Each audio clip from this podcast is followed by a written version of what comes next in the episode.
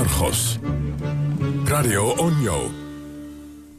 Naar Srebrenica nu. De moslim-enclave in Bosnië die in 1995 werd ingenomen door Servische troepen... gevolgd door de dood van, u weet het nog wel, duizenden mannen in de weerbare leeftijd. Een van de Nederlandse militairen die destijds in Srebrenica zaten is Ron Rutte. Hij was toen luitenant en de maker van het befaamde fotorolletje... dat op mysterieuze wijze verdween. Rutte werkt nog steeds bij Defensie. Hij is inmiddels overste. Drie maanden geleden trad hij op als getuige bij het Joegoslavië-tribunaal... in de zaak tegen de Bosnisch-Servische leider Radovan eh, Karadzic.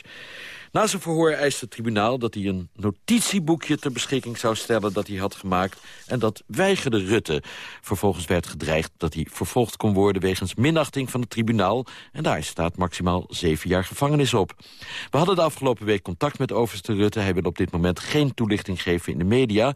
En daarom benaderden we hoogleraar internationaal strafrecht Geert Jan Knoops. En die is nu aan de telefoon vanuit Israël, hè, meneer Knoops?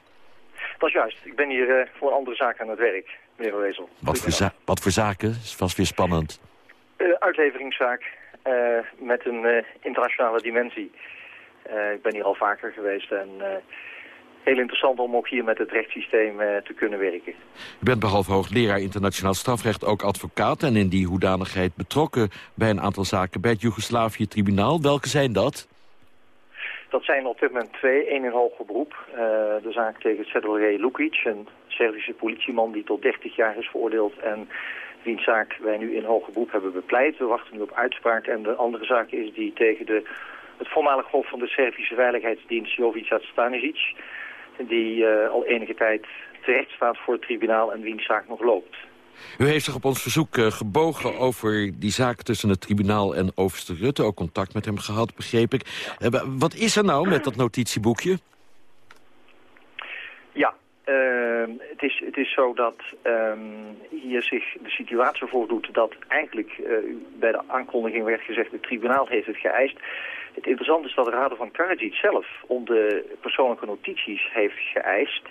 Het is zo dat het hier gaat om een notitieboekje dat de overste Rutte een week voor zijn getuigenis op 28 november 2011 raadpleegde en dat ook eerlijk vertelde aan het tribunaal en Raden van Karadzic vervolgens dat boekje opeiste om uh, naar zijn zeggen te kunnen verifiëren of de getuigenis van overste Rutte correct was.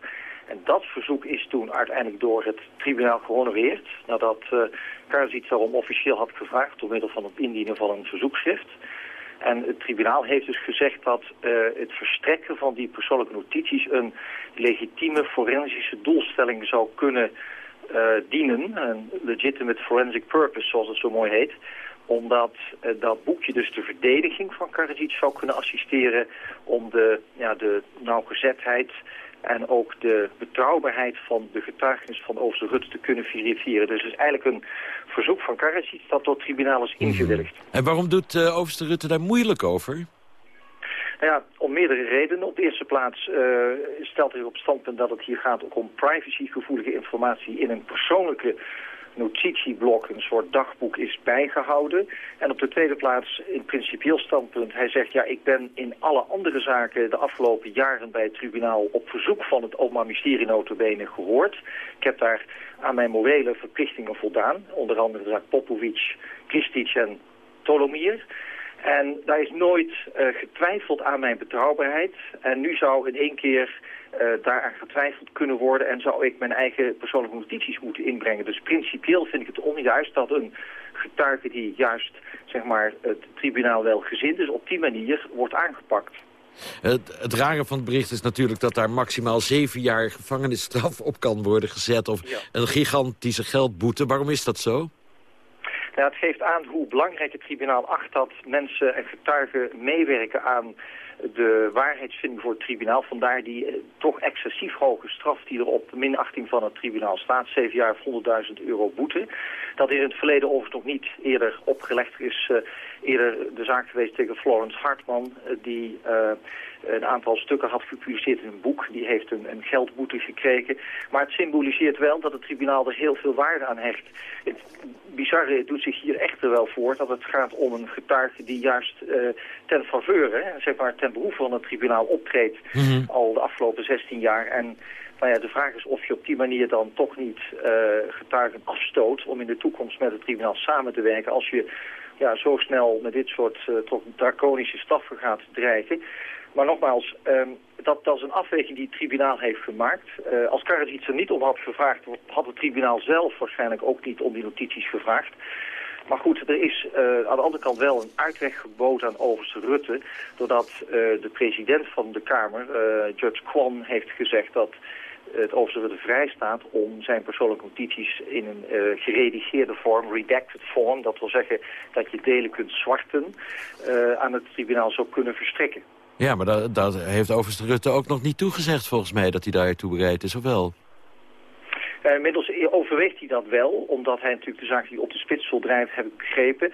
Kijk, het punt is dat als eenmaal zo'n order is gegeven door het tribunaal, er eigenlijk geen weg terug is. Omdat alleen bij uh, het aantoonbaar uh, in het geding zijn van staatsgeheimen, zou het tribunaal dan kunnen zeggen, nou, u bent niet verplicht als getuige om die stukken in te brengen. Dat is eerder in de Milosevic-zaak gebeurd bij stukken die de Servische Defensieraad in bezit zou hebben.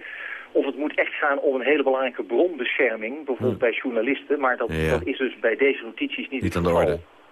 Waarom doet dat uh, tribunaal zo ontzettend, ja, toch een beetje streng, maar ja, ik vind het ook een beetje hoten eigenlijk wat ze doen. U, u zegt het zelf al, erg uitnodigend voor getuigen in spe, is het niet?